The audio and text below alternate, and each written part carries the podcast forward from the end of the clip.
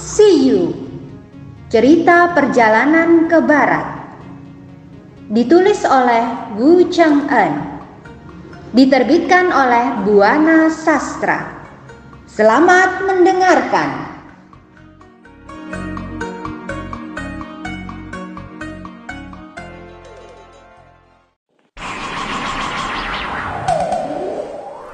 Bab 9 Chen Guangrui menikah dengan Yin Wen Xiao. Chen Guangrui melepas ikan yang dibelinya. Kota Chang'an yang ada di wilayah Shanxi sudah berulang kali dijadikan ibu kota negara. Pada masa kerajaan Zhou, Xin, dan Han, Kota ini telah diperindah, bahkan sekelilingnya telah dibuat sungai. Maksud raja-raja tersebut adalah agar kota terlindungi dari serbuan musuh.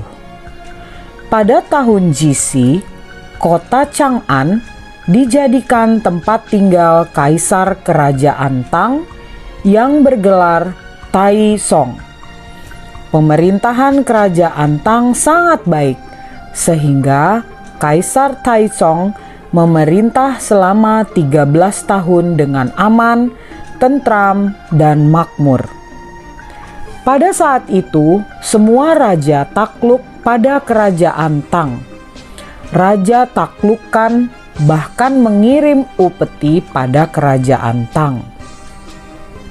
Pada suatu hari di kerajaan Tang sedang diselenggarakan sidang.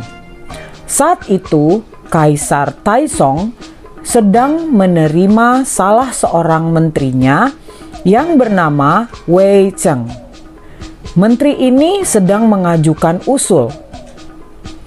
Menurut murid, pada saat negara sedang aman dan tentram, kiranya akan lebih baik kaisar mengeluarkan titah untuk mengundang para cendikiawan. Kemudian, anjurkan mereka untuk ikut ujian negara.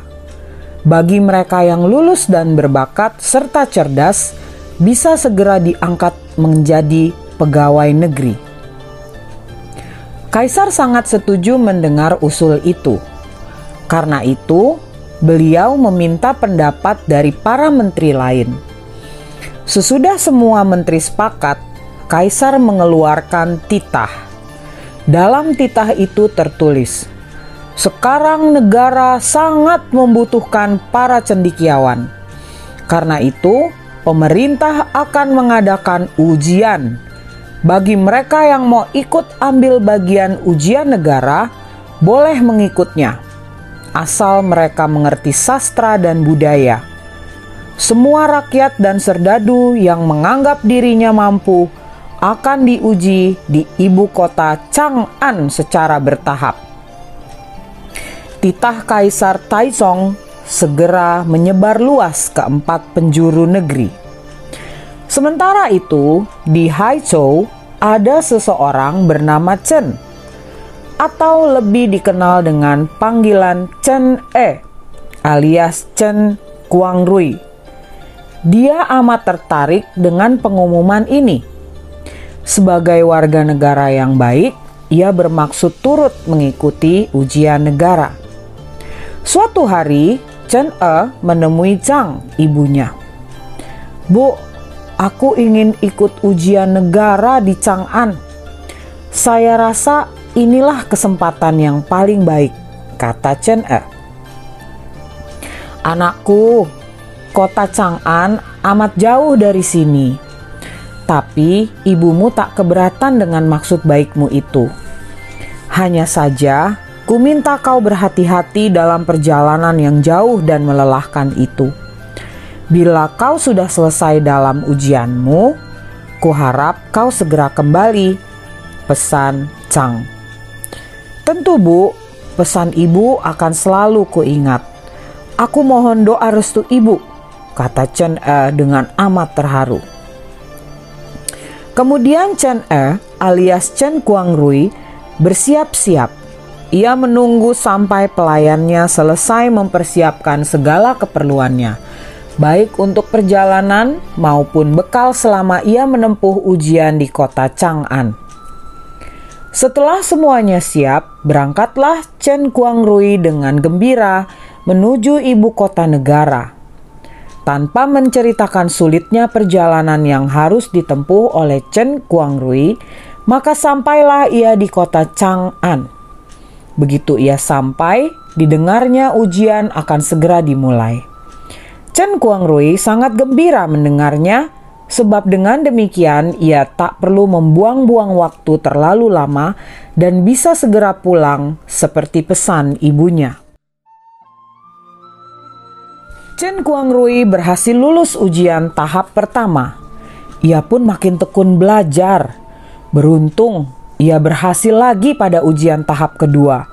Bahkan pada tahap akhir atau ujian yang ketiga pun, Chen Guangrui berhasil lulus sehingga kaisar mengangkatnya sebagai pegawai baru.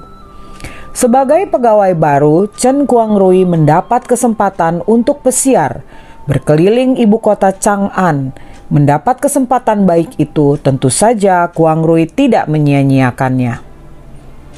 Kebetulan, pada saat Chen Guangrui berjalan-jalan di rumah Perdana Menteri Yin Kaisan, sedang diselenggarakan upacara mencari suami yang dilakukan sendiri oleh putri Perdana Menteri Yin Kaisan. Sampai saat itu, putri Yin Kaisan yang bernama Yin Wenxiao alias Man Tang Xiao memang belum mendapat jodoh. Yin Wenxiao adalah seorang gadis yang cantik. Namun, dua tahun berselang, ibunya telah meninggal dunia selir ayahnya atau ibu tiri Wen Xiao kurang menaruh perhatian pada gadis ini. Pada suatu hari, Yin Wen Xiao kedatangan seorang peramal nasib. Yin Wen Xiao yang ingin mengetahui nasibnya segera menanyakan nasibnya pada orang itu. Karena kau putri seorang perdana menteri, berarti kau bukan gadis sembarang, kata si peramal. Namun, Wen Xiao tetap memaksa nasibnya diramal. Maka dengan hati-hati si peramal mengawasi putri Perdana Menteri itu. Tiba-tiba, wajah si peramal berubah karena ragu-ragu atas apa yang dilihatnya. Bahkan ia pun takut untuk membuka tabir kehidupan sang gadis yang cantik itu. Coba katakan, bagaimana nasibku kelak? Pinta Wen Xiao. Setelah berpikir agak lama, Akhirnya si peramal itu berkata, "Maukah kau berjanji untuk tidak mengatakan apa-apa tentang hasil ramalanku ini pada orang lain?" Mendengar ucapan si peramal, Wen Xiao kaget. Apakah nasibku amat buruk sehingga si peramal ini meminta agar aku berjanji untuk tidak mengatakan hasil ramalannya kepada siapa pun sebelum mengungkapkan nasibku? Pikirnya. Sesudah berpikir demikian, akhirnya Wen Xiao menyetujui permintaan si peramal. Baiklah, saya berjanji, kata Wen Xiao.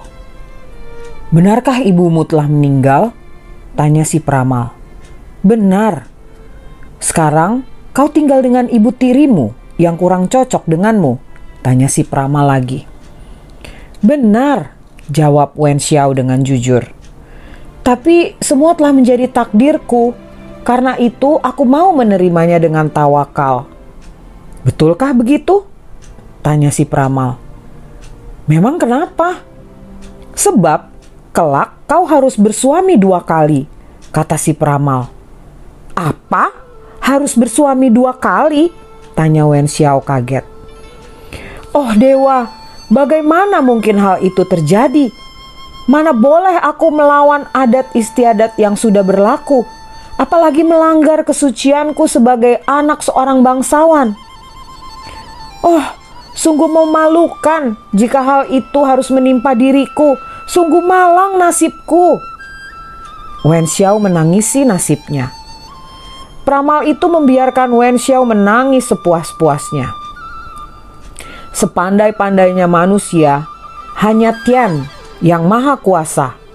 Manusia tak bisa mengubah takdir Tian, bahkan amat sulit untuk lolos dari nasib yang sudah ditentukan oleh Tian. Jadi, kau harus ingat bahwa walau kau sudah tahu nasibmu pada kemudian hari, kuharap kau tidak bertindak ceroboh, apalagi hendak mengubah nasib. Kuakui, reinkarnasimu kali ini berat, tapi aku yakin kau bisa menghadapi semua itu. Suatu ketika, jika kau menghadapi situasi terdesak hingga kau putus asa, ingatlah nasihatku ini. Jodohmu yang pertama memang amat singkat, tetapi pada jodoh kedua kalinya, yaitu yang kau anggap sebagai suatu paksaan, justru itu yang abadi. Aku pun tahu kau seorang yang alim, karena sejak lahir kau tak makan makanan berjiwa. Selain itu, kau pun juga suka berbuat baik. Maka ada baiknya kau meminta agar suamimu yang kedua bisa meniru sifatmu, yakni memiliki cinta kasih terhadap sesama. Kata peramal itu. Pada masa itu, upacara mencari suami sudah lazim dilakukan. Orang-orang akan membuat panggung khusus untuk acara itu. Kali ini pun Yin Kaisan membuat panggung. Karena itu, putrinya yang cantik sudah berada di atas panggung dan bersiap-siap untuk melempar bunga ke arah calon suami yang sesuai dengan seleranya. Pada upacara mencari suami di sekitar panggung ini, ditempatkan para pemain musik yang memainkan musik merdu dengan irama amat menarik. Ketika Yin Wenxiao akan melempar bunga, secara kebetulan rombongan Chen Guangrui lewat. Hal ini tentu saja tak lepas dari perhatian Yin Wenxiao yang bermata jeli. Apalagi Chen Guangrui adalah seorang pemuda yang gagah dan cakap. Namun saat bunga akan dilempar ke arah Chen Guangrui, tiba-tiba Yin Wenxiao teringat akan ucapan peramal. Oh, sungguh kasihan dia. Bukankah bunga ini justru untuk memilih suami pertamaku? Oh nasib, Yin Wenxiao mengeluh dalam hati. Namun demikian, karena ia sudah berjanji tidak akan membuka rahasia, maka ia menutup mulut. Kemudian dengan perasaan tak menentu, Yin Wenxiao berjalan ke tepi loteng dan melemparkan bunga itu tanpa gairah. Bunga itu melayang ke arah Chen Guangrui dan ditangkap oleh pemuda itu. Tak lama, Terdengarlah bunyi tetabuhan riuh rendah menyambut kemenangan Chen Guangrui. Ia akan menjadi menantu Perdana Menteri Yin Kaisan. Belasan dayang Yin Wenxiao berlarian dari atas loteng lalu turun memburu ke arah Chen Guangrui. Mereka segera menghampiri calon menantu Yin Kaisan dan membimbingnya masuk ke rumah Perdana Menteri. Sementara itu Yin Wenxiao yang ada di panggung menangis terseduh-seduh. Ia tahu benar bahwa laki-laki yang memperoleh bunga yang ia lempar akan bernasib buruk, berjodoh pendek dengannya. Nona, selamat, selamat! Teriak para pelayan yang berlarian naik ke loteng. Bunga Nona jatuh ke atas kepala seorang pemuda tampan. Jadi, dialah yang berjodoh dengan Nona. Kabarnya, pemuda itu baru lulus sebagai pegawai negara Ketika dia sedang berjalan di bawah loteng dan kepalanya tertimpa bunga nona, dia kaget sekali. Kata pelayan yang lain sambil tertawa. Mendengar cerita itu Yin Wenxiao bukannya gembira, malah menangis makin keras. Nona, percayalah, saya tidak bohong. Coba Nona lihat sendiri, kata pelayannya yang mengira majikannya menangis karena dia berbohong. Tutup mulutmu, Tidakkah kau tahu bahwa saat ini aku sedang jengkel? Kata Yin Wenxiao dengan suara keras. Hah? Nona sedang jengkel? Ah, sungguh mengherankan. Kenapa mendapat suami tampan dan cerdas malah jengkel?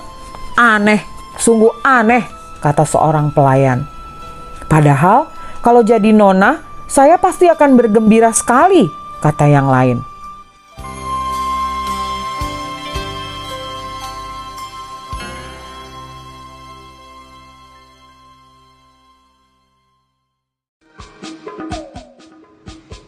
Dengarkan kisah selanjutnya. Terima kasih.